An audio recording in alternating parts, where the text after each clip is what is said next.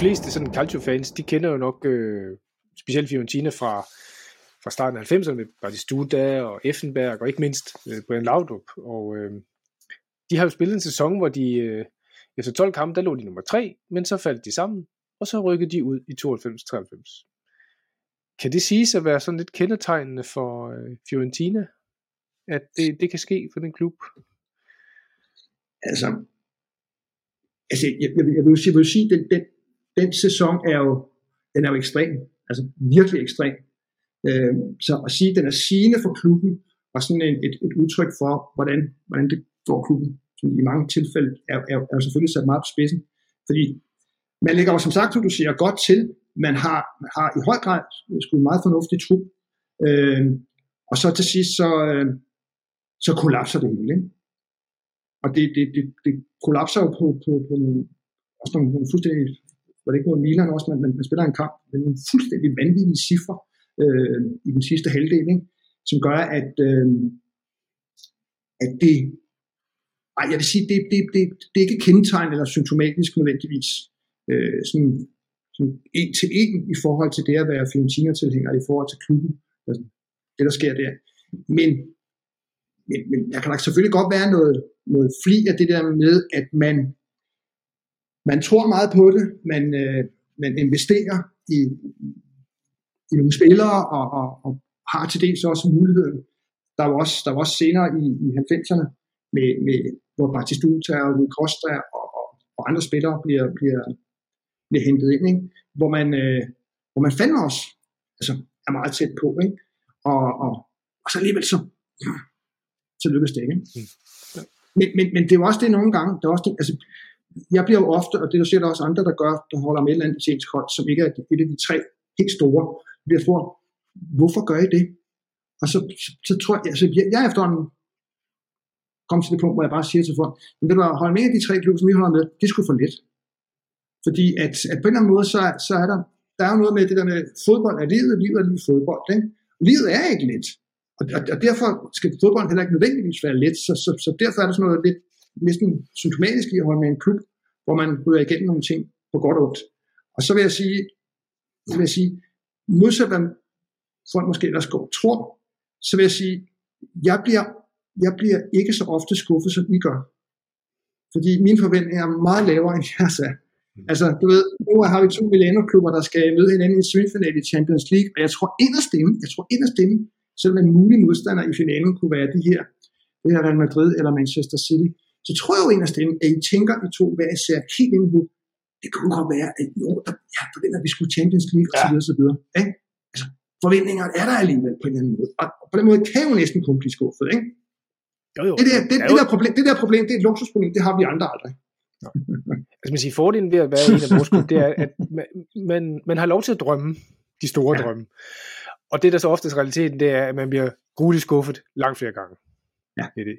Så, så øh, det er heller ikke nemt at være en tilhænger af en af de her klubber, og man kan sige, øh, Ulriks klub har jo vundet de fleste, men har jo måske også været en del af de største nedture.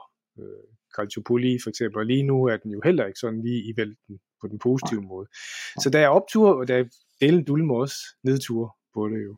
Ja, ja det er også sige, når man, når man har vores, når man har vores øh, alder, vores, den tid vi har holdt med vores klubber, så er det ikke noget, man vælger. Altså, det er jo noget, de unge mennesker gør i dag, at vælge, nu skifter den spiller, og så skifter jeg klub. Mm. Ja, ja. Altså, ja, hvis, jeg, hvis man kunne skifte klub, så er der flere gange overvejet det. Men det kan man ikke. Sådan er ja. det bare. Ikke? Ja. Med, klubben ja. vælger en, og så er man bundet ind. Ja. Jeg læste faktisk, jeg, jeg læste, jeg tror det var i går, jeg læste faktisk, Dan Hammer, den tidligere øh, kommersielle direktør inde i FCK, han skriver netop det der, du siger. Han siger, det er med de der fodboldklubber, fordi du vælger ikke en fodboldklub, fodboldklubben vælger dig. Og så, siger, så siger han jo meget interessant, ah, den dag, hvor jeg lige stod på det der gadehjørne, hvor der var to fodboldklubber, der åbenbart lige kom forbi og valgte mig, der hed henholdsvis fra Marmar og Leeds United. Der skulle jeg nok have stået på et andet gadehjørne den dag, ikke? ja, der var han ikke heldig. Ja. Der var han sgu ikke heldig. Men sådan ja. er det jo. Ja, ja. Jeg vil i hvert fald sige, Mads, det, det Fiorentina-hold, jeg husker bedst igennem historien, det er jo nok det her fra fra midt 90'erne så op til, øh, op til lige og 2000-tallet, der hvor man lægger 3, 4 og 5 i nogle sæsoner i, i det, som jeg og vi nok dengang i hvert fald godt kunne sige, at det var verdens klart stærkeste liga dengang.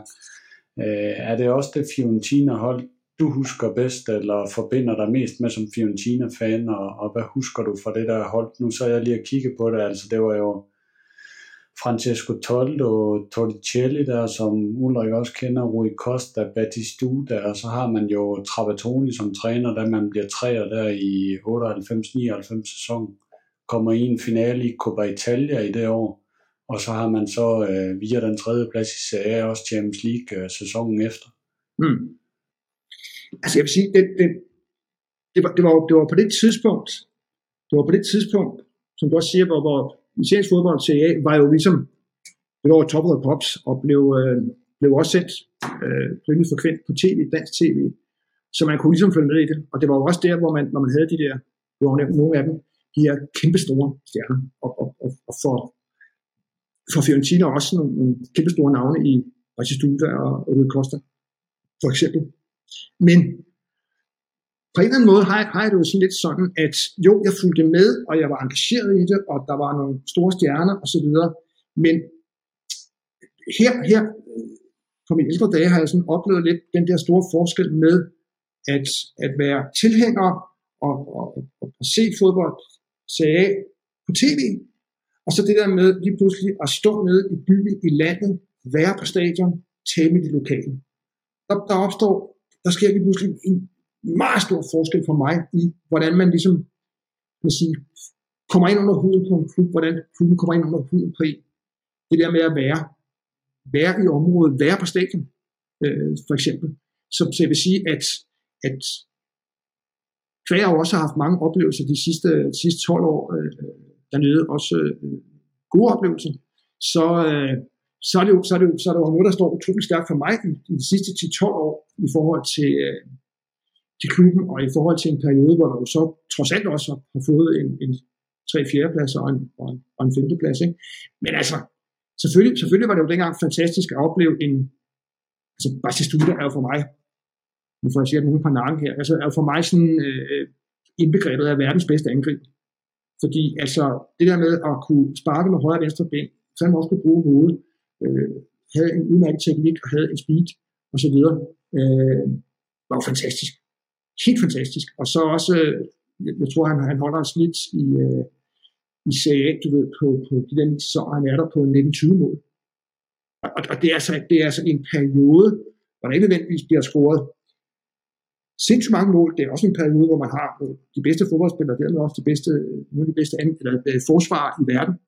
Det, det, det er jo fantastisk at opleve. Ikke? Så, så er det jo klart, at der er også nogle, nogle, nogle, nogle ting i perioden. Det er så slutningen af perioden, hvor man, hvor man er i Champions League, og øh, man, slår, øh, man slår Arsenal, når faktisk Duda scorer et fantastisk mål til 1-0. Ikke? Man slår Manchester United øh, øh, men i den næste periode så man så også Liverpool. Så på en eller anden måde må vi have et eller andet meget godt greb på de der engelske hold. Øh, Tottenham første gang, ikke Tottenham anden gang, men, men der må være et eller andet der, ikke? Øh, der var også nogle, der var også nogle sjove øh, episoder fra perioden. Nu lagde jeg mærke til, at i jeres forrige udsendelse, hvor I lavede lidt optag til den her udsendelse, der var ude igen på at snakke om bæstet. Ja, Edmundo. Mundo. Edmundo, ja. Som jo spiller det 98-99 i, øh, i Fiorentina, Øh, han er der kun i en sæson jo. Øh, historien er jo, at, at Fiorentina jo faktisk er i 98-99 efter, efter 20 runder, det vil sige cirka halvvejs, fører serien. Fiorentina fører kraftet med serien. Hvad gør Edmondo? Han tager sig karneval. Det, altså, man havde sgu... Havde det i sin kontrakt, eller? altså, jeg, jeg, ved ikke, jeg ved ikke, jeg ved ikke med, med de der, øh, de der uh, og det der karneval. Øhm, jeg læste, jeg virkelig så her i forbindelse med, at Cruyff blev 76 år, eller ville være blevet 76 år, så var der sådan forskellige historier fra tiden der. Og der er så åbenbart også historier om Romario, som kommer hen til Cruyff og beder om at få fri øh, i forbindelse med den næste kamp til karneval. Og så siger Cruyff, ved du hvad, hvis du scorer to mål, så kan du tage afsted. Så scorer Romario fandme to mål efter 20 minutter, løber ud til bænken og siger, mister, mister, kan jeg tage afsted nu? Min flyver går om en time. Ikke? Altså, du ved, det, det, det, det, det, det, altså, jeg ved ikke, altså, der har også været med, med, med, med, med, Ronaldinho, og du ved, øh, øh, ham der, der lå rundt op i PSG, og så videre, altså det, det der Kahneman der. Jeg ved ikke, hvad det er med det Kahneman, men de er jo totalt uansvarlige, og så pisker de bare afsted, ikke? Og han pisker jo også afsted. Jeg synes, jeg kan huske, jeg synes, jeg kan huske en røverhistorie om, at Mundo havde det i sin kontrakt, simpelthen, at ja, når der var karneval, så fik han fri, fordi de lå lige præcis nummer et, og ja. de havde ikke noget reelt backup ud over ham og Batistuta, ja. det var lidt det tønde efter det. Jamen det værste, det, så, det, værste, det værste, der sker jo det i 98 hvor han drager afsted. På det tidspunkt har han scoret 12 mål. På det tidspunkt bliver Batistuta skadet. Så, mm. så, så, man står faktisk det 98-99 øh, mere eller mindre på et tidspunkt uden noget, uden noget angreb som sådan, fordi at øh, den ene drager til Karneval, og den anden, han, øh, han ligger skadet på bænken. Ikke? Så, Efter at have haft to af den, datidens stærkeste ja. angriber. Jeg skal lige ja. høre Batistuta, inden vi går videre. Er han den der heltefigur i, øh, i Fiorentina, fordi han gør jo, han, for det første han er 9 år, for han er med ned i DB og op igen, og så videre, og laver fantastisk mange mål. Men han, han siger jo så også farvel og tager over til Roma og får det der mesterskab, som han manglede. Ja. Er der nogen altså, hard feelings på den? Nej. Altså, lige så, lige så vel som, lige så vel som man ikke skal nævne, og det skal man virkelig ikke, lige så vel som man ikke skal nævne øh, Bernadeschi, øh, Chiesa, Vlaovic, navnet øh, nede i, i Firenze, så, øh, så kan man, man kan godt nævne Baccio, fordi at øh, det, der skete omkring Baccio, og I kan huske den der episode med øh, år efter han blev solgt og straffespark, han ikke ville tage, bliver udskiftet, samler et Fiorentina-halsterklæde op på vej ud og, og tager det omkring halsen. Han blev på en eller anden måde lidt tilgivet. Øh, Batistuta er aldrig blevet tilgivet, for der var ikke noget behov for at tilgive Altså det, det, alene det, at han, han, han blev i denne her, selvom det var en del af, af de syv søstre, og, og, dermed en, en, en del af toppen af italiensk fodbold, så var der jo trods alt nogle klubber, der blev nummer et og, og vandt noget mere. Men han, han blev i sæsonen, eller han blev i klubben i ni sæsoner. Han rykkede med ned, modsat en vis Herr og scorede mål på stribe, og var med i europæiske øh, kampe og var afgørende. Så der er ingen overhovedet, der har et dårligt ord at sige om den spiller. Nu skiftede han jo heller ikke til Juventus der efter ni år. Han skiftede jo til Roma. Og det, var, det er jo dernede i hovedstaden, langt nede sydpå og så videre. Dem har man ikke så meget som hvis det var råd opad. Ikke? Så jeg tror, jeg tror, ja. jeg tror også, der er, der er en anden, du ved, det var ham velfortjent der til sidst i karrieren at få efter 10 sæsoner i Italien en titel. Så nej, altså han er, han, er, han kommer jo stadig i klubben, kommer og øh, sidder på tribunerne nogle gange. Der var snak om her for et par år siden. Antonioni ville gerne have ham ind som angrebstræner, hvilket jeg synes var en fremragende idé, udover han kan jo næsten ikke gå mere, fordi han er jo smadret i knæ og alle andre steder. Ikke? Så tror jeg godt, han, han, kunne godt have givet nogle gode fif til, hvordan man sætter, sætter bolden ind. Øh, i en fodboldkamp. Ikke? Kunne han sidde, han kunne sidde der i sådan en stol og så sige til dem, hvorfor sparker I med halv kraft? Ja. ja. Den skal hamres ind, ikke? Den skal ja. ikke uh, chattes ind. Ja. Uh, han var en fantastisk angriber, og det var ja. stor fejl, at han aldrig uh, kom op og spiller op nordpå. Ikke? Mm. Ja, ja. Ja. ja, det vil have, det vil have gjort ekstraordinært næste, ja. Hvad har vi mm. mere på programmet, vi skal igennem her? Vi skal jo også have Comiso og sådan noget. Skal vi hoppe til den? Eller har ja, vi, skal vi tage Astori først? Ja, jeg tænkte, vi nok lige heller må nævne Astori og den tragedie for ja. fem år siden. Ja. Hvordan øh, husker du det? Jamen, øh, det er for fem år siden. Jeg, jeg kan huske, at altså, jeg var ikke i Italien på det tidspunkt. Jeg var hjemme, og det var en søndag. Og øh, så på et tidspunkt, så sidder jeg sådan, jeg tror, man, man skal spille der øh, ved 3-4-tiden om, om eftermiddagen. Og så på et tidspunkt, så får jeg sådan en sms, for jeg kender det også, følger med i tjenest fodbold, og så står der bare, at Astoria er død. Så fanden, altså, altså så, så, det er virkelig en dårlig joke, hvis du tager fint på mig og så videre. Ikke? Går ind på nettet og, og begynder at tjekke op på det her. Og i starten er man jo ikke helt klar over, hvad der er sket. Men øh, det er jo så, viser det sig, at, at han, har, han har haft nogle hjerteproblemer, som ikke rigtig er blevet opdaget. Og så øh, dør han jo på det her hotelværelse i øh, Udine, øh, om natten op til kampen mod Udinese, der for, for fem år siden. Ikke? marts.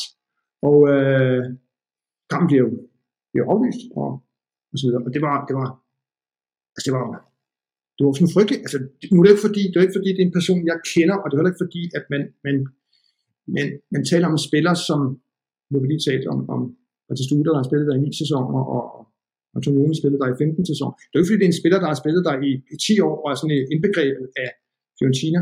Øh, der var faktisk lige så mange følelser i, i Cagliari, fordi der spillede han jo også i en forholdsvis periode. Ikke?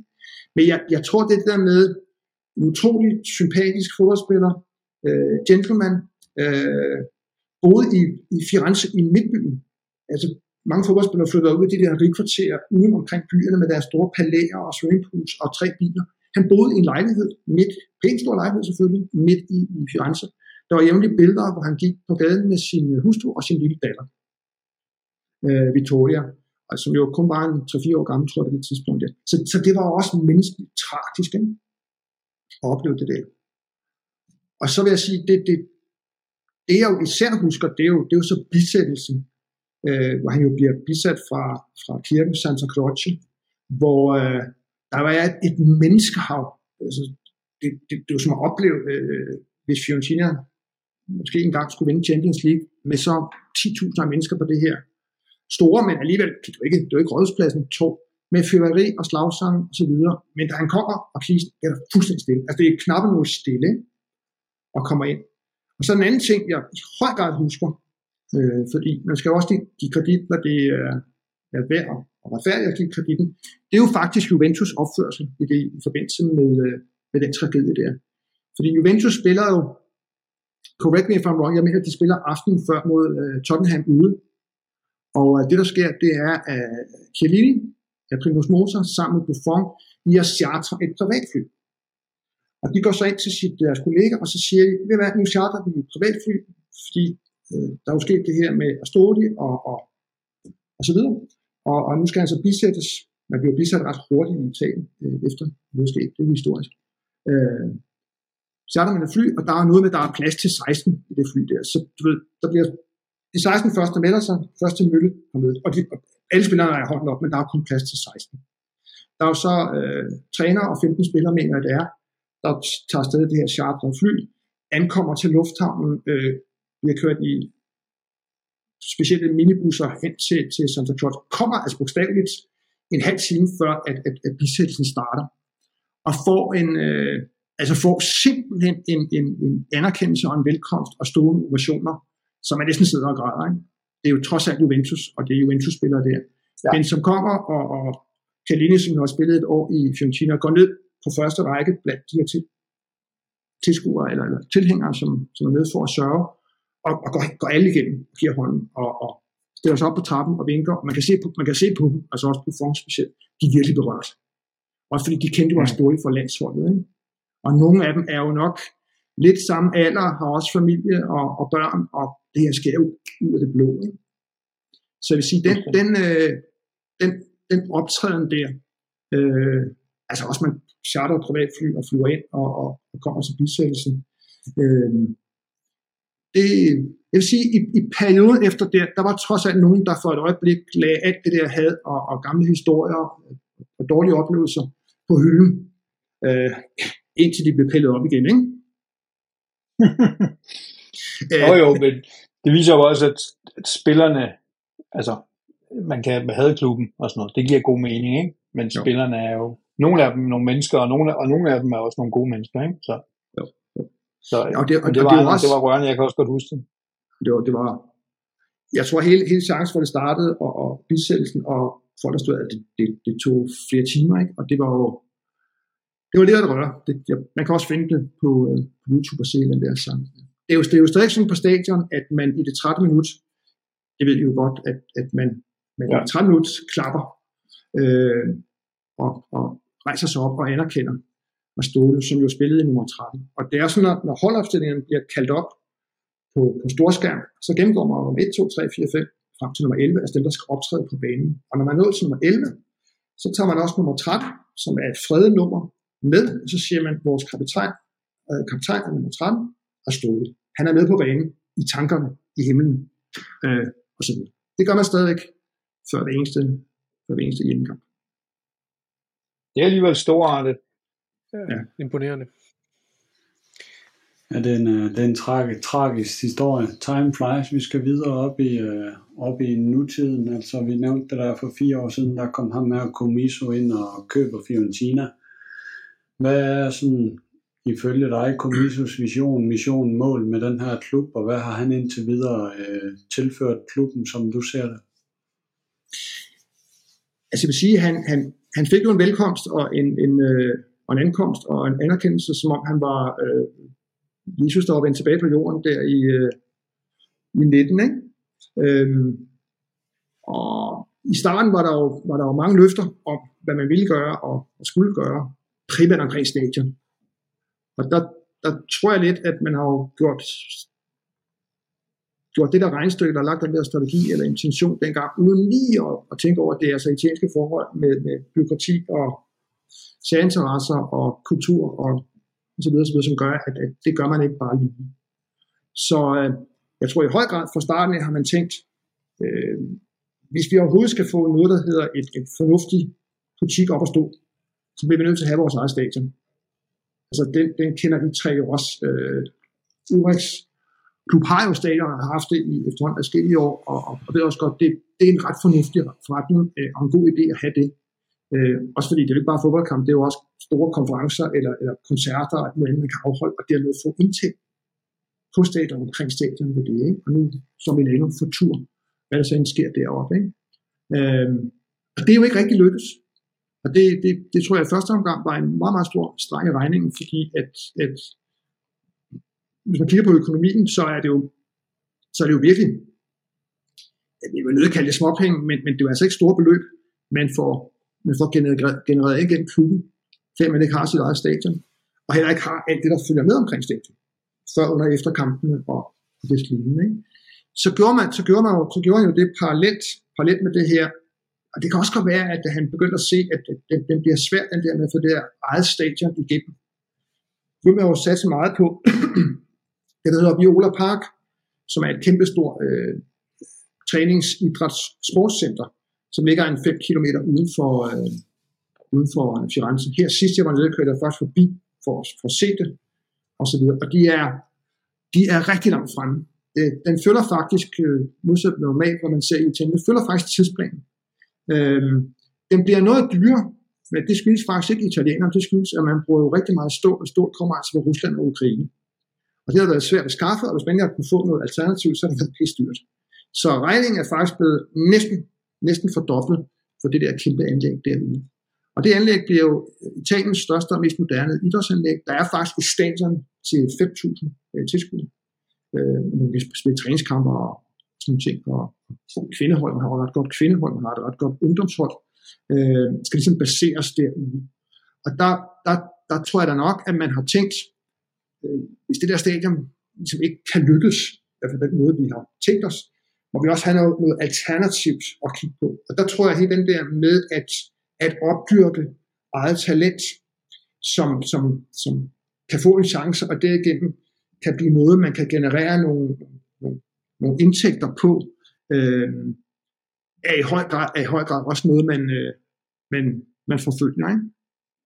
Altså generelt kører Primavera-hold jo, jo rimelig godt, ikke? Tror du, Comiso, han, øh, kan ikke huske, hvad hedder han, øh, Perotta nede i Rom, øh, han stak jo halen mellem benene og løb hjem til New York. Tror du, Comiso mm. ender med at gøre noget af det samme? Han har jo virkelig slået sig på italiensk byråkrati og øh, alle de andre ting, og italiensk fodboldbyråkrati. Og der er det her snart legendariske faktisk... Financial Times interview ikke, fra, fra januar 2020, ja. hvor, han, hvor han bare langer ud efter Gud at være mand. Ikke?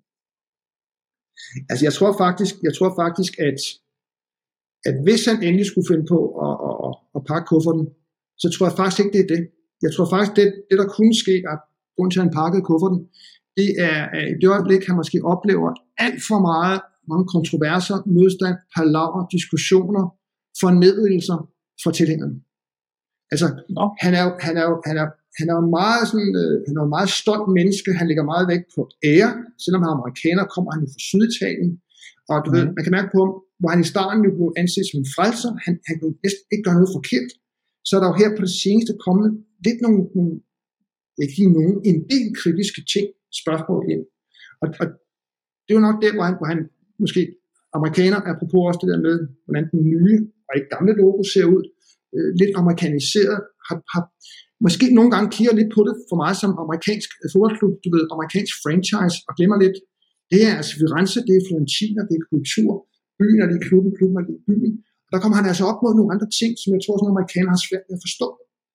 Øh, altså jeg har været i USA mange gange, og noget af det ældste, du kan finde derovre, det er 200-250 år gammel, så har de ikke mere. Altså de har jo slet ikke København og Christian den 4. og sådan noget ting. Nej, så du ved, alt, alt det der, vi europæer har omkring både vores byer, men også vores fodboldklubber, forstå den der kultur, især i sådan en, en, by og en klub, hvor det hele er så tæt bundet sammen. Det tror jeg, han er, der tror jeg, han skulle have gået galt i byen. Og der har han fået ørerne i maskinen, fordi der er nogen, der har sagt til ham, hallo, sådan fungerer det ikke her. Det vil vi sgu ikke finde os i. Og jeg, og jeg tror, det der kunne gøre, at han på et tidspunkt trækker sig, det er simpelthen, hvis han bliver fornærmet. Eller fornærmet nok til at sige, prøv at jeg føler mig simpelthen så. Så I kan også se nogle af de ting, han, han gør, og når han får noget, noget retur, nogle journalister siger noget, eller noget, at du mærker, at han optræder nogle gange lidt som sådan en fornærmet barn, ikke? Hvor, ja. hvor, hvor, hvor, det der med æren, og den måde, jeg bliver behandlet på, betyder utrolig meget. Jeg ved godt, at italienere kan, kan, kan ofte godt være sådan der, men det er ligesom, det er blevet ekstremt. Det kan også det der med, at danskere, der flytter til udlandet, de bliver næsten mere danske ved at flytte derfra, og så kommer de hjem til landet, og så finder de ud af, oh, ikke? Og på samme måde er han blevet sådan næsten meget mere italiensk end italiener, han har altså været væk. Og på den måde kan det godt være det, der i sidste ende, i sidste ende kan blive dråben, hvor det hele flyver over. Ikke? Fordi han, han, han, han gik også ud og sagde, hvis der er en ting, jeg ikke gør, så er det, at jeg sælger ikke Vlaovic og slet ikke til Juventus og sådan noget. Ikke? Så der er også nogle ting, som, som ikke gik helt som planlagt. Men jeg tror, det der virkelig chokerer sådan som ham, det er at komme, komme som, som self-made øh, millionær, øh, rigtig mange penge og en fantastisk forretning i USA, og komme til et sted, som og ved guderne skal vide, har brug for et nyt stadion. Både klubben, men også byen. Øh, og så sige, jeg har de her penge. De er lige her. Ikke? De er arbejdspladser, det er, det er et nyt stadion, det, er, øh, det løfter klubben, det løfter byen, det løfter alting, det, det, det er masser af penge i kommunekassen, og så bare, undskyld, og så bare få nej på nej på nej på nej. Det må også være frustrerende. Altså det, det, lige i øjeblikket, lige i øjeblikket sker der faktisk det, at, at, at man har besluttet at ville restaurere Franki og den her stedsarkitekt, som jo fandme sidder på alt det der kulturarv, og hvad man må man gøre med forskellige ting øh, i byen. Det, det har man i alle øh, italienske byer. Det er også det, som Milano nogle gange støder på, det er de der ting der. Har jo sagt, I må ikke pille med de der endtribuner, I må ikke pille med de der øh, rotunder, altså hvor man går ned fra, fra, fra, fra tilskuerpladserne osv. Det, det, det er kulturarv. Og så har man så, har man så øh, EU har lavet den der skal det, recovery fund til Italien efter corona, hvor man fik adskillige milliarder, milliarder, milliarder af euro til at kunne genopbygge infrastruktur og alle mulige andre ting i, i, i forbindelse med efter corona. Og der har man så, øh, der har man så øh, sat nogle penge af til at, at restaurere blandt andet øh, Flanki. Det er fordi det skaber nogle arbejdspladser. Man har også sagt, at det område, det ligger i, er sådan et udsat område. Det er det ikke. Det er ikke et udsat område. Det er et ganske pænt område, så det er noget slut. Men, men der har man sådan derigennem, plus nogle, plus nogle statspenge, har, har kommet op sådan i nærheden af, jeg mener sammenlagt er 160 millioner euro, hvor man skal bruge 200 millioner euro.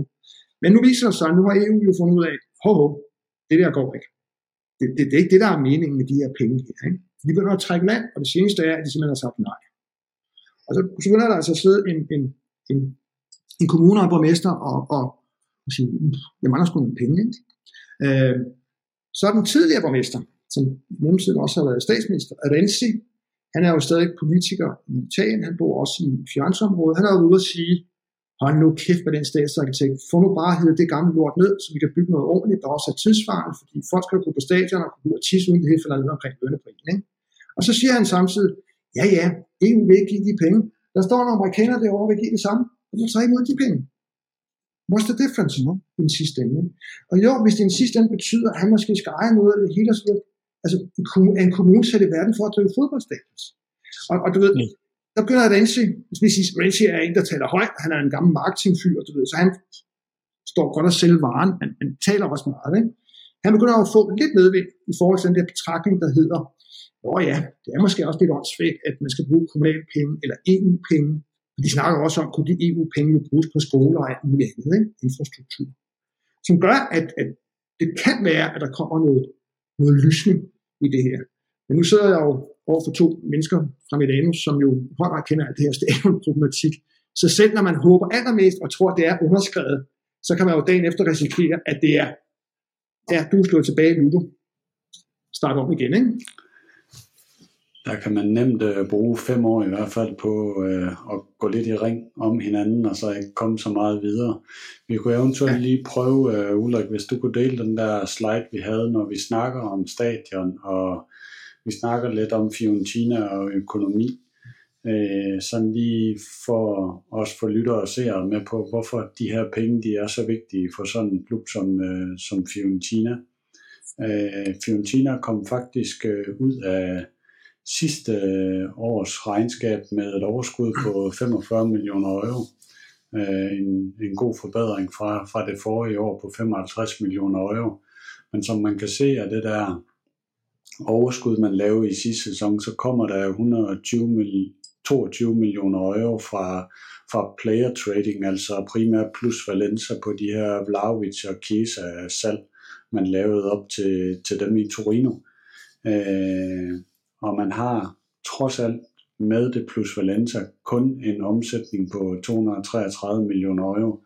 Så advarselslamperen lidt for, for Fiorentina, det er jo den her relativt lille kommercielle omsætning, man har på de 37 millioner euro, og hvor meget af det, som kommer fra Comisos eget øh, selskab mm. i, i USA, ikke en masse Mediacom, eller hvad det nu hedder, øh, ja, som ja. er noget medie, medieforretning, ikke? Jo. Øh, og det, er, der er en stor afhængighed derfra, øh, og det, er, det er et område, som man helt sikkert skal forsøge at, at forøge mere.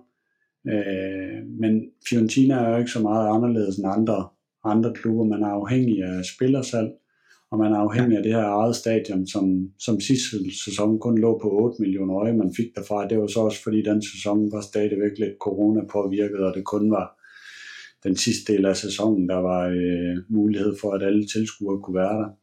Øh, så jeg tror også, man kommer nok op sådan på en plus 15 millioner euro på sin matchday-indtægter i år. Øh, mm. Når man også får de her ekstra Conference League-kampe med i, i den her sæson, og man har været i Europa, og jeg tror også, Conference League peger nok også hen i, at man fra UEFA kan få op imod 20 millioner euro for dem.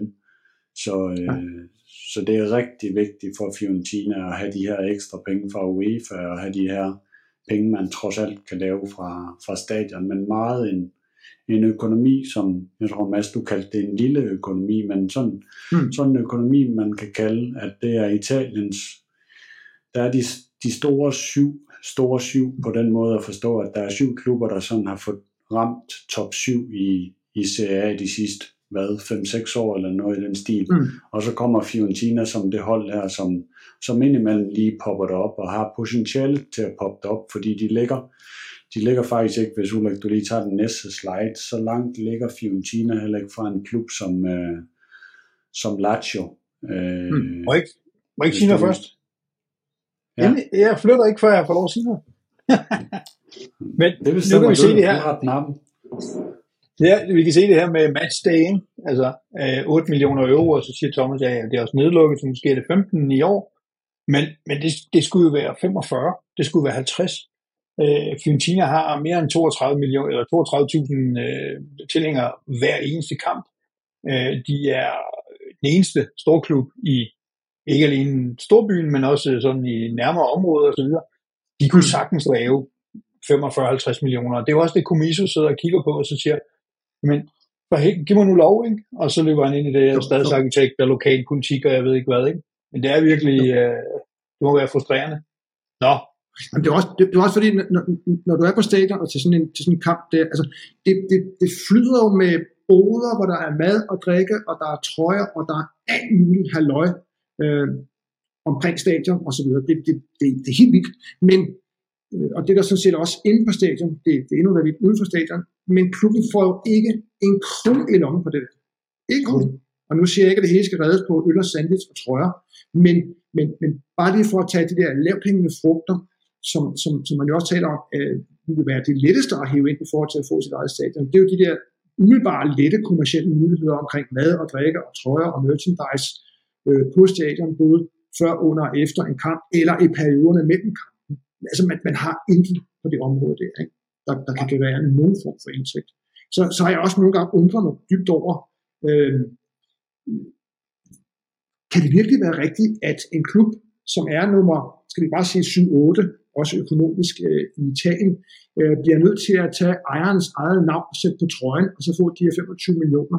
Når jeg ser på nogle af de der forskellige sponsorater, man har på, på, på træningstøj eller på, på ryggen og sådan noget, altså der er blandt andet en eller anden sponsor, og for Norditalien, som, som er i træningslejr hos, og som der åbenbart er en eller anden aftale om, så betaler man for det, og så får du en op på trøjen. Altså, det, det virker sgu sådan lidt ligesom en, en, en anden provinsklub, øh, som, som laver en aftale med en lokal slagter om, om, om, kamp, om, ja, om kampbolden. Ikke? Altså, jeg kan virkelig ikke forstå, at den by, og med den historie og alt det der, der, der er der, og som du siger, ja, i år er snittet faktisk over 35.000 til de kampe her, man spiller europæisk, ikke kan formå dels at få en, en selvstændig hovedsponsor, men også alle de andre. Altså jeg kan jo kigge misundeligt på jer nogle gange, øh, nogle gange når jeg også ser øh, øh, op i Torino, er det jo selvfølgelig primært omkring ejernes øh, brands og så videre, men, men Milano-klubberne er jo meget gode til, du ved, så går de ind på forskellige områder, så kommer der en sponsor på det her, det her, det her, det her, det, her. Nu kender jeg sgu ikke engang navn, men jeg kan godt se et pænt tal, der står bagefter, ikke? Og så kommer det lidt på noget træningstøj, det kommer lidt på noget øh, fritidstøj, det kommer lidt på noget, men det, det genererer jo samlet set øh, en, en, en pænt stor pulje, hvor man, hvor man oplever i, øh, i Firenze, det, det er sgu svært at se sådan den, den, det samlede koncept, eller den, den samlede idé, øh, øh nu siger jeg ikke, man skal have et slogan, i øjeblikket siger man play to be different, øh, ja, øh, så bygger man ikke på noget, som handler om byen og kulturen og historien og det smukke og hvad ved jeg, som, som, som hvis du ringer op fra Fiorentinas marketingafdeling og skulle sælge noget til nogen, så, så lige før du ringede fra Firenze by, og så vil folk nok mm. sige, jeg kender godt Firenze by, kan jeg blive sponsor for Firenze by? Ja, det kan du godt. Okay? Ja. De har et fodboldhold. Det er ligesom, man misser en kæmpe mulighed der, ikke? Som, som kunne generere noget, udover den der langsigtede strategi med at få sit eget stadion, og eller den der anden strategi omkring at, at dyrke og, og, og opvokse nogle, nogle talenter, man kan sælge videre. Fiorentina virker for mig som en klub, som, som egentlig var lidt Milan var under Berlusconi, altså man var meget afhængig af ejeren og mæcenen, ja. der ligesom dækkede det af, og dermed så bliver klubbens medarbejdere jo egentlig dogne det, det er hårdt sagt, ja, det, men man giver ja. efter at, at, at uh, tilfredsstille ejeren, i stedet for egentlig at, at stå på egne ben og være øh, kommercielt uderfarne til at få de her sådan, sponsoraftaler. Det har ja. Milan jo så lært på den hårde måde, ja. at, uh, og Inter for den til skyld også, at lige pludselig så er den med scenen uden, og så må man finde nogle indtægter andre steder fra. Så må man ja. have en salgsorganisation opbygget ja. på det. Jeg tror på ingen måde, det er tilfældigt, at de to klubber, som, som amerikanske forretningsmænd med italienske aner nu, nu er der jo mange mm. klubber, men de to mest profilerede er Roma og Fiorentina. Øh, og, og altså, det er jo også dem, jeg vil umiddelbart kigge på, og så sige, de er totalt undervurderet, under underutilized. Ikke? Altså, mm. tænk sig et Firenze-brand, tænk sig et Roma-brand, altså, du får så meget øh, positiv øh, branding med i, i bagagen, ikke?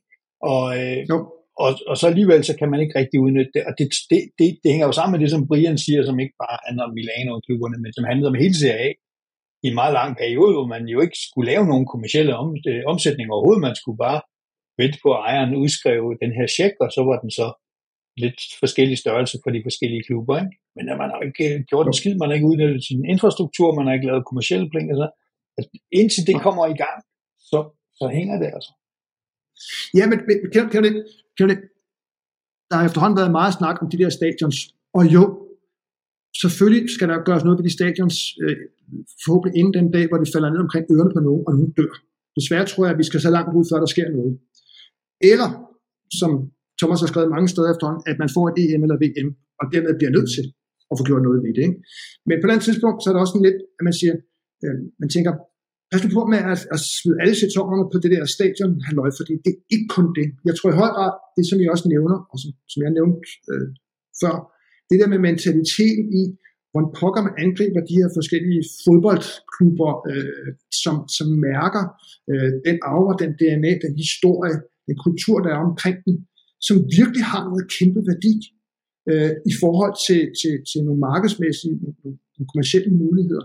Jeg kan huske dengang Roma gik fra det der ASR-logo til Roma 1927 med, med ulven på. Og så tænkte jeg, okay, og det, det var med belægget. Der er noget, der hedder USA. Der kender man sgu ikke af ASR. Vi skal have det der Roma-navn op, fordi alle kender om den evige by. Ikke? Det er også rigtigt. Men siden er ikke sket en skid. Altså bare fordi man laver en ny logo, hvor der står Roma på. Altså, ja. det, det, det, det, er lidt, som Brian siger, det, det er sgu for dårligt. Altså, det, det, det er som, man sidder sig tilbage og siger, Nå ja, nu kommer det bare af sig selv, fordi vi hedder Roma, og det er Rom, så skal det sgu nok, fordi de har været før. Ikke? Nej, det kræver en indsats, fordi du er fandme også i konkurrence med alle de andre klubber på Præcis. verdensplan, og primært i Europa, ikke? om de samme penge. Ikke? Lige nok. Præcis. Nå, Thomas, vil du lukke den der øh, nummer 8 slide? Jamen, øh, nummer 8, man kan jo se, de er efter Lazio både på, på omsætningen, der er samlet set, men, men sådan ikke så langt derfra jo, og også på deres, øh, øh hvad hedder det, budgetomkostninger på deres løn og på deres transfer, ligger de på de der knap 100 millioner euro, og kun lige 7 millioner euro for Lazio. Så de er jo mere op i det felt der, hvor at det berettiger også, at Fiorentina de kan være med i Europa, enten i Europa League eller Conference League, som man så er i år. Øh, mm. Hvis vi lige, vi har før i de her udsendelser snakket øh, financial fair play, og de her krav, der kommer fra UEFA med, hvor stor en procentdel af dine omkostninger på løn og transfer, øh, som, som det må udgøre i forhold til ens omsætning. Og der er det jo det der krav om 90% fra nu, tror jeg faktisk det er. Og så om tre år ender den ned omkring de der 70%. Og sådan Fiorentina med den omsætning, de sådan ligger på nu, ligger jo sådan lige lidt, lidt imellem de der to to spændvidder, der er, så der er bare behov for at få noget mere kommersiel omsætning ind, øh, eller, eller så er man meget afhængig af sin, øh, sin, sin spillersal, for, fordi de jo ikke kan øge, de kan jo ikke øge deres trupomkostninger mere, hvis ikke de får flere penge ind. Ja, præcis. Så de er udfordret, ligesom alle de andre klubber. Ja. ja. Jeg synes, når, jeg, når jeg kigger på det, ikke? når jeg kigger på det, nu er det også fordi, at min fodboldkærlighed og altså noget, det blev dannet i, i 80'erne og 90'erne. Jeg synes jo, Fiorentina er en større klub end Lazio og Atalanta. Ikke? Hmm. Så, altså, de kunne godt komme lidt højere op, ikke, hvis du sagde til mig. Men øh, det må vi se. Nu må I købe nogle flere spillere dernede, ikke? Jamen, vi, jeg synes, vi gør, hvad vi kan. Altså, vi pumper penge ind i den klub, ikke? Nu er det jo meget godt, nu er det meget godt, Brian, du lige nævner det der med, så må I købe nogle spillere, flere spillere ned, fordi det gør, at inden en af jer siger, nu lukker vi ned, så er der altså lige det der årstal 2010-13, som ikke må glemmes i den her podcast. Det er rigtigt, den sprang vi over. Den skal vi have.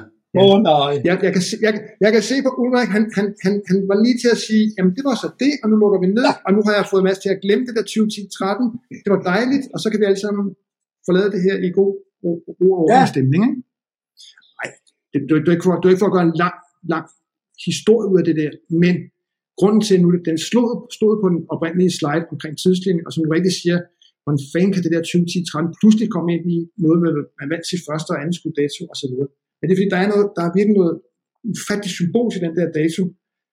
Fordi det er jo så, ja, selvfølgelig en kamp, hvor Fiorentina spiller mod Juventus.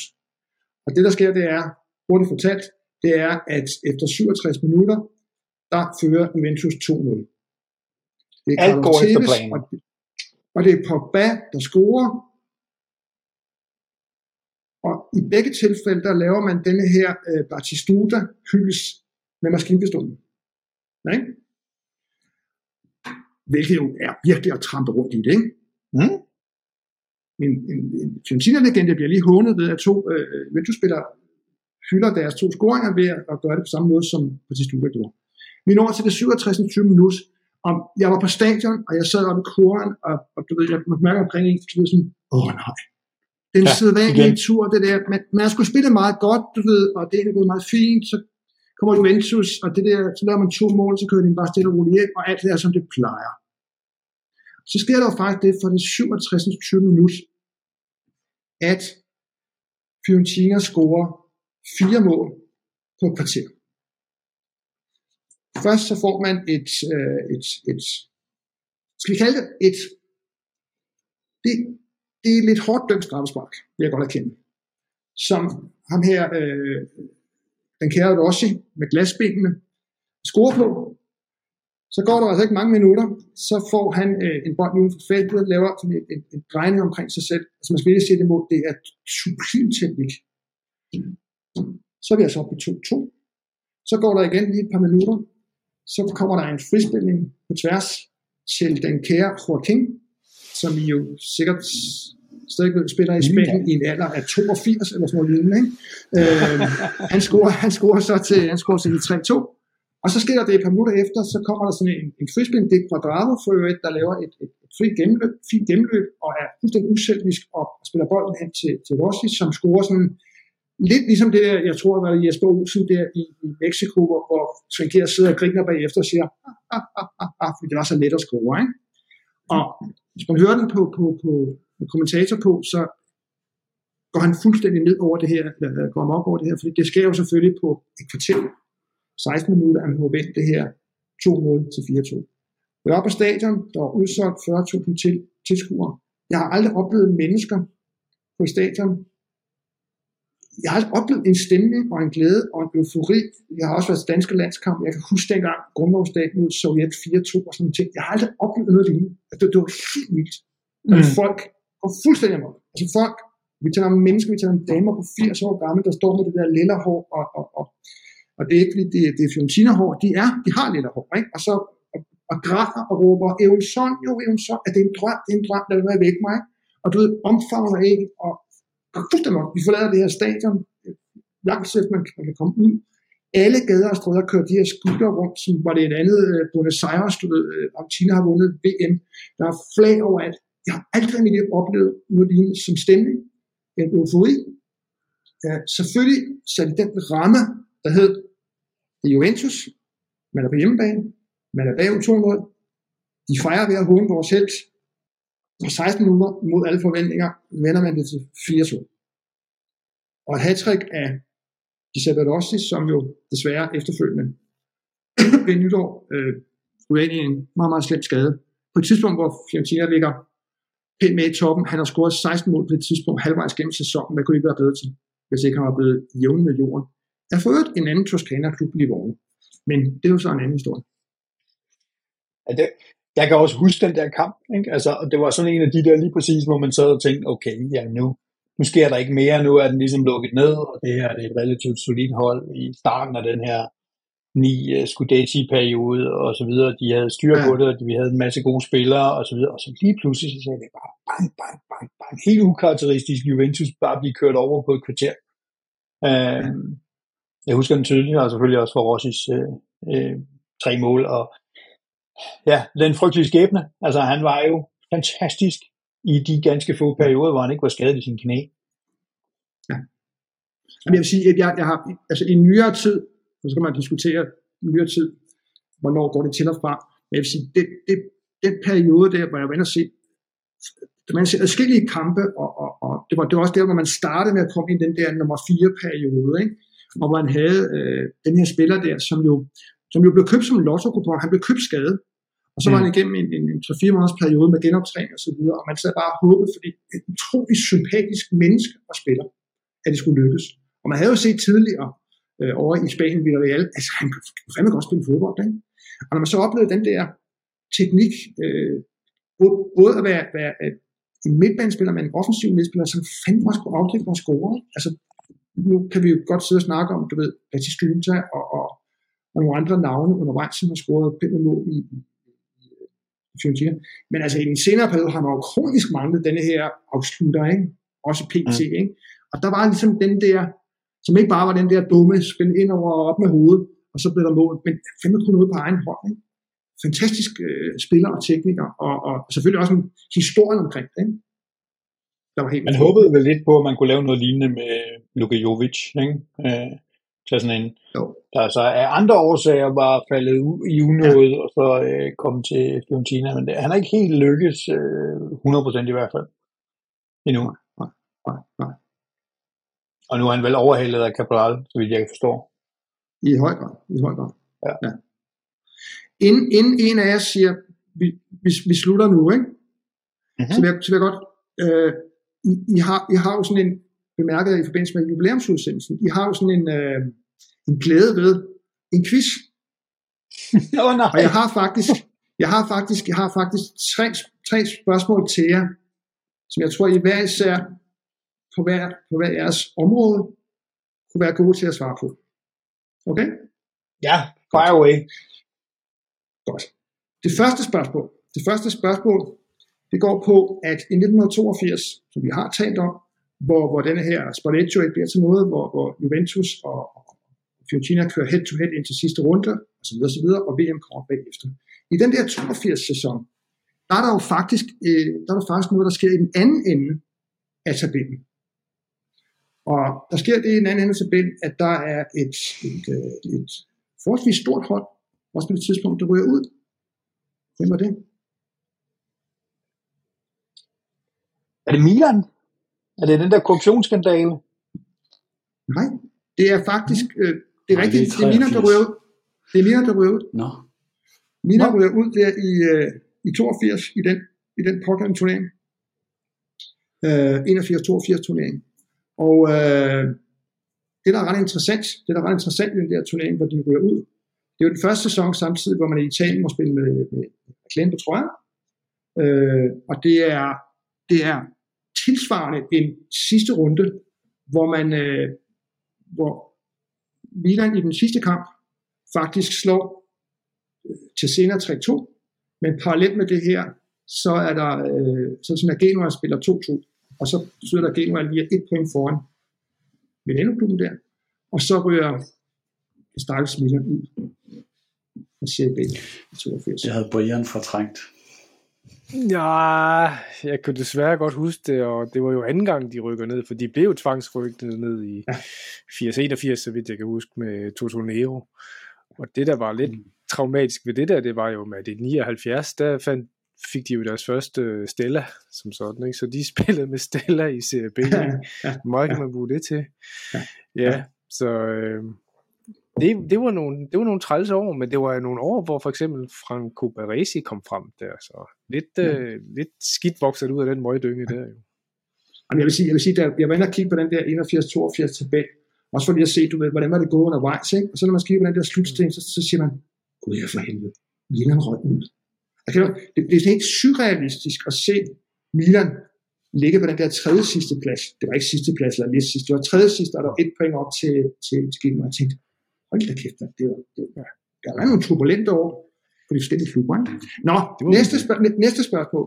Nu har, der været, nu har der været meget palaver om det her med, at, at Juventus jo henter øh, de her øh, både talenter og topspillere i Fiorentina. Det er Fiorentina jo meget fortørnet over. Men Fiorentina har faktisk på et tidspunkt hentet en, øh, en spiller i, øh, i Torino, som, øh, som faktisk scorede rigtig mange mål. Faktisk scorede han flest mål i Fiorentina efter Batistuta. Han er den næst, næst wow. mest scorende topscorer i Fiorentina, og han kom faktisk fra Juventus. Hvem var det? Hvor langt skal vi tilbage i tiden? Vi skal langt tilbage. Ja, vi skal langt tilbage i tiden, og det, vi, vi, vi er tilbage i 58. Men oh, i 58 ligger der, ligger der faktisk klub. Ja, jeg trækker en blank på. Agustini, kan det passe? Nej. Eller er helt på? Hvad, hvad skete der ellers i 58 uden for Italien fodboldmæssigt? På allerhøjeste plan. Landsholdsmæssigt. Um, der var en brasilianer, eller hvad det der, der var VM. Ja. Og det der Brasilien vandt VM. Brasilien ja. vandt i Sverige. Ja. ja. Pelé? Ja, hvem var der andre end Pelé, der spillede på det hold? Jeg vil sige, det, det, var, ikke, det var ikke på det brasilianske hold. Nå. Nej. Vi skal have haft nogle gode brasilianer. Men i Så det var en på det svenske? Jeg kan ikke huske det. Var det ikke? Det var en, det var en på det svenske hold. Hvad fanden var det?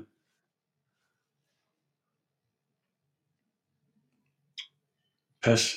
Du må give os en Det klør i fingrene på. Ja, Ja. Det, det var faktisk en spiller, der hed Kurt Hamrin. Nå. Okay.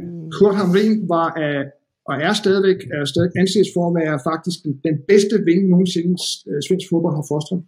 Han, øh, han kom faktisk fra Juventus, øh, efter han kom til, han var med til at vinde, øh, da, man, øh, da man vandt, øh, øh, hvad hedder det, øh, mod, øh, mod Rangers i øh, Cupwinners Cup, og han var, han var topscorer øh, flere sæsoner i træk, blandt andet så øh, var det var først Batistuta til at slå ham med 26 mål som topscorer. Han har scoret 150 mål i 289 kampe for, øh, for Fiorentina. Og den, han blev solgt fra Juventus til øh, Fiorentina. Det skal så med i historien, at, at på det tidspunkt var der åbenbart stadig lidt omkring det der med det, eller var der allerede lidt omkring de her to klubber. Så der er en historie, der hedder, at han faktisk blev udlejet til, til Padova. Så, så man kunne sige, nej, han kommer ikke fra Juventus, han er ud, for han var udlejet til Padova, kunne man sige, han kom fra mm. Padova. Men han var Juventus' ejendom. Så du ved, mm. dengang har der været nogen, der tænkt, vi kan fandme ikke sige, at han kommer fra Juventus. Så man fik lejet ham ud til Padova, og fik ham gennem Padova til Fiorentina. Men han var Juventus' ejendom. Det var han, ja. Og nu har jeg lige nået at google ham, og jeg kan se, at han kun fik et år i Juventus og 23 kampe og sådan noget. Så... Ja. Og det er efter udlejet til Padova. Øh, men ja, øh, den havde jeg ikke i hvert fald. Men jeg, jeg, kan, jeg, mente bare, jeg kan huske ham fra, fra Milan-tiden, og, og jeg kan se nu, ja på internettet, han også kommer til Milan bagefter, men, men jeg kan da også se, at han er langt mere, altså da Fiorentina det der, hvor han ja. spiller stort set hele tiden, ikke? Ja. Så, det er sjovt, at jeg placeret han, helt forkert.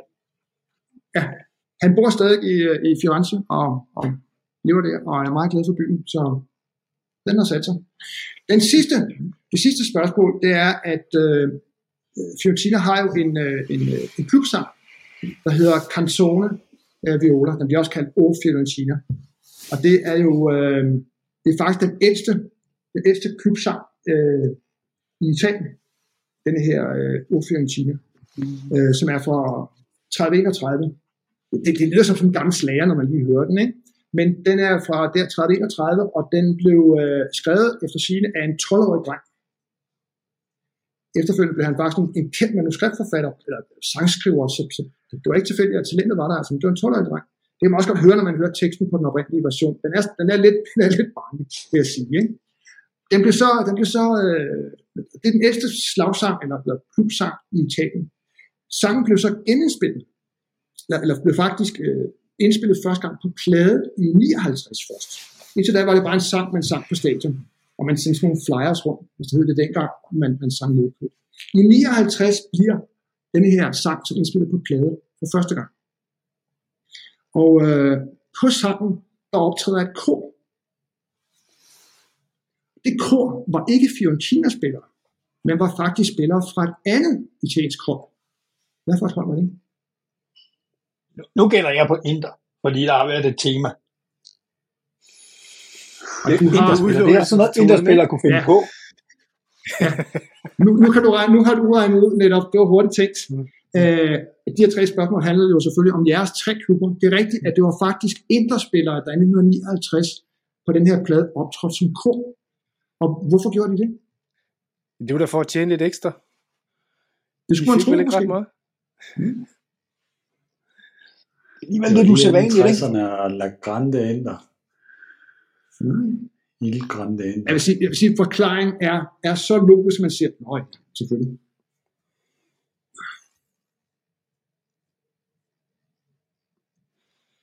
Hmm. Det ved jeg simpelthen ikke. No clue. Inders uh, præsident ejede han studie. nu, nu er du ret nu. Jeg vil sige, der vil jeg faktisk godt give dig point for. Det er fordi, at optagelserne faktisk blev lavet i Milano. Ah. Mm. Så pladen blev indspillet i Milano, og så ja. var det så en, der spiller, som man blev inviteret ind til at give Jeg skal ikke kunne sige, hvorfor det ikke var Milan spiller, men nu er det altså spiller, ja. som optræder på den første version af den her øh, det, det må sige, øh, Ulrik han havde to rigtige i den her quiz, og i fødselsdagskvisten der vandt Brian, så vi skal til at ikke have flere quizzer i det program her. det vil sige, kan min aura, min aura kan slet ikke tåle det. det, det, det jeg vil så lige sige, pladen blev genindspillet, eller nyindspillet i 65 med Fiorentina, så, så det du oplever i dag, er, er med Fiorentina-spillere. Det er bare inden nogen lige pludselig spreder det rygte, når de hører den her, at der er simpelthen ikke spillere på en slagsang, og så videre. Ikke? Men det var det faktisk i, i de her seks år. Ja. Det må sgu da være lidt mærkeligt og lidt sammenlignet med en AGF-spiller, øh, ja. og indspiller ja. en Brøndby slagsang. Ja. Ja. det kunne være lidt surrealistisk. Fuldstændig grotesk, ikke? Ja. Men vi, spiller, sige, ja, vi, vi, vi spiller den på vej ud her, så folk kan høre den. Ja, ja. Mm. Men det vil sige, ja, så kan jeg, jeg, jeg kan spille den nu. Men jeg tror men, faktisk... Men mens du finder den, så, så, så, så kan jeg jo simpelthen konstatere, at modsat jubilæumskvisten, at, at i en Fiorentina special, så er det Ulrik fra Juventus-lejren, der vinder. Ja. Så, så må jeg jo bare sige, det må være Center, som altid, det er simpelthen, det, det, det er vores nemesis, lige meget hvad vi gør og prøver at fortælle om muligt, så ender det med, at Juventus får det sidste ord Ja. Nej, det var det selvfølgelig Rick, som en råbte der. Det ved en hver jo. Ja, der, der er åbenbart lidt søsterklub over jer stadigvæk, som der er tilbage i ja, der jo. 20'erne, 30'erne, eller hvornår var det, det var. om igen, det her. Ja. Jeg tror, vi, det, det var har vi mere på øh, tapet, tapetet i dag fra os. Ja. Er der nogen, der brænder ind med ja. noget? Det gør jeg, men det er fordi, jeg skal på toilettet.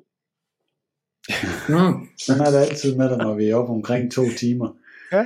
Det. Hvad fanden er der sådan noget, jeg sidder og drikker kaffe eller sådan noget. Men altså, det var simpelthen så hyggeligt, og, og, og, og et fed vinkel på det. Nu ved jeg godt, at folk vil sige, at jeg har ikke snakket uh, Fiorentina lige nu, og hvad med Conference mm. League og sådan noget.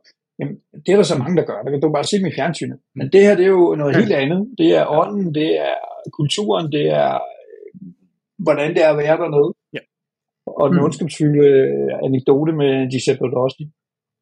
Hmm. Ja, ja. Husk den dato. Vi lige fik den med. Ja. Kan du lige gentage den? Hvad var det? 2010 13. 2010 13. Jeg, jeg, har, jeg har oplevet, jeg har oplevet italienere, eller selvfølgelig folk i Firenze, der simpelthen har, har stået rundt, hvor jeg har set det op i nakken eller på armen, hvor det er tatoveret 2010 13. 20, 10, 20, 10, 13. Ja. Det er datoen. Tak for det. Det, det var fornemt. Jamen, skal vi ikke sige uh, tak til Mads, fordi for fanden en Tour de France. Uh, Mange tak, ja. Det var virkelig, virkelig spændende. Tak for det. Uh, og alt muligt held og lykke. I, vi har jo et bud på, at der kommer italienske hold i alle finalerne. Ja. Det og vi håber selvfølgelig også, at Fiorentina uh, får noget til pokalskabet. Det vil jo være fantastisk fedt. Ja. Der er jo plads nok. ja. Også det. Det er rigtigt, ja. Tak for i dag. Ja. Tak for indbydelsen. Ha' det godt, tak ikke? for i dag. Hej.